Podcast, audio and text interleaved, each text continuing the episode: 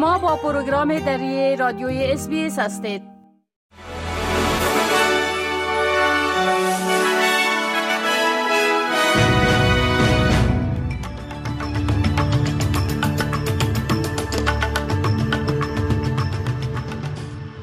با عرض سلام من فضیلت تصمیم شما را به شنیدن اخبار امروز 16 اکتبر سال 2023 دعوت می کنم. در اعتراضات حملات اسرائیل به فلسطین در استرالیا، پلیس نیو ساوت ولز گفت در اعتراضات روز یکشنبه نیاز به استفاده از حضور بیشتر پلیس برای کنترل اعتراضات نبود. در سیدنی بیش از هزار افسر پلیس برای نظارت بر این تجمع مستقر شدند که تخمیناً حدود 6000 نفر در آن اشتراک کرده بودند. تونی کوک معاون کمیشنر پلیس از سازمان دهندگان تظاهرات برای اطمینان از اینکه این اعتراضات در فضای صلحآمیز صورت گرفت اظهار خرسندی کرد. Very clearly, based on the evidence of last Monday, there were serious concerns, uh, and that was very much in the forefront of our mind, which is why you saw significant police presence roll out.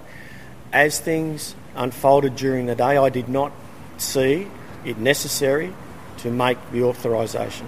So there were people in that crowd who were providing the voice of reason to their own members of community, which is exactly what we would expect. این در حال است که کمتر از 940 استرالیایی که در وزارت امور خارجه ثبت نام کردند اسرائیل را ترک کردند در حالی که 1540 نفر دیگر در آنجا باقی ماندند تعدادی از تیارات چارتر و دفاعی روز یکشنبه 15 اکتبر پس از لغو پروازهای برنامه ریزی شده بازگشت. ریچارد مالس معاون صدر استرالیا در گفتگو با شبکه هفته تلویزیون از همه استرالیایی هایی که در اسرائیل باقی ماندن خواسته است تا با اولین پرواز به استرالیا برگردند. We just urge all of those Australians who are in Israel who want to leave, uh, don't don't wait for when it's convenient. Take the first option that there is because this is a, a rapidly evolving situation, and you know it's not clear what will happen with uh, airspace and the like. So, uh, if you've got an option to leave, make sure that you take it. تعدادی از اعتراضات سازمان یافته توسط اعضای جامعه جهانی فلسطین روز یکشنبه 15 اکتبر در شهرهای بزرگ جهان با وجود ممنوعیت ها توسط مقامات محلی برگزار شد.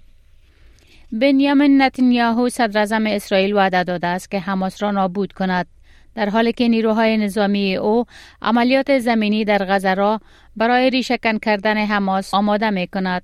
اسرائیل از مردم غزه خواسته است تا جنوب آن منطقه را تخلیه کنند و صدها هزار نفر تا کنون نواحی جنوبی غزه را ترک کردند. بیش از دو میلیون نفر در منطقه تحت کنترل حماس زندگی می کنند که حدود نیمی از آنها در شهر غزه هستند. در داخل غزه محاصره شده جایی که شرایط روبه و خامت است و مرگ و میر ناشی از حملات هوایی اسرائیل در حال افزایش است غیر نظامیان گفتند که جای برای فرار ندارند و هیچ جا امن نیست و اما حماس از آنها خواسته است که در آنجا باقی بمانند. بی بی سی در این مورد گزارش داده است که محمود عباس رئیس تشکیلات فلسطین می گوید حماس مردم فلسطین را نمایندگی نمی کند آقای عباس در گفتگوی تلفنی با نیکولاس مادر رئیس جمهور ونزویلا گفته است که اقدامات و سیاست های حماس از مردم فلسطین نمایندگی نمی کند با گزارش خبرگزاری وفا آقای عباس کشته شدن غیر نظامیان از هر دو طرف را محکوم کرده و خواستار آزادی غیر نظامیان، زندانیان و بازداشت شدگان هر دو طرف شده است. در گزارش از بی بی سی در این مورد آمده است که رهبران اتحادیه اروپا در بیانیه از حق اسرائیل برای دفاع از خود تا زمانی که ناقص قوانین بین المللی و انسانی نباشد حمایت کردند. عبدالفتاح السیسی رئیس جمهور مصر گفته است اقدامات تلافی جویانه اسرائیل در پی حمله حماس به این کشور فراتر از حق دفاع از خود است و به مجازات جمعی 2.3 میلیون ساکن غزه تبدیل شده است. انتونی بلینکن وزیر خارجه امریکا با مقامهای چند کشور شرقی میانه گفتگو کرده و جیک سالیون مشاور امنیت ملی امریکا هشدار داده است که افزایش سطح جنگ میان حماس و اسرائیل ممکن است به ایفای نقش مستقیم ایران در این جنگ منجر شود. در گزارش از صدای امریکا آمده است که زلزله های پای هم صبح روز یکشنبه 15 اکتبر بار دیگر ولایت هرات را تکان داد. مقامات طالبان در ولایت هرات این گزارشات را تایید کردند.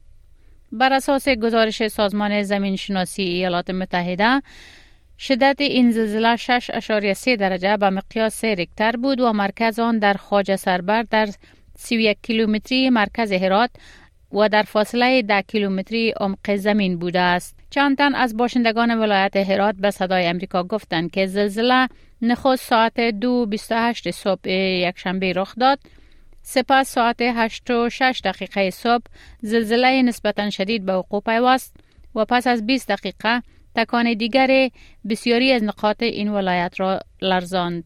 عبدالواحد ریان رئیس نظارت مطبوعات و نشرات وزارت اطلاعات و فرهنگ حکومت طالبان با نشر پیام تایید کرده است که در زلزله روز یکشنبه در هرات یک نفر کشته و 37 نفر دیگر مجروح گردیدند.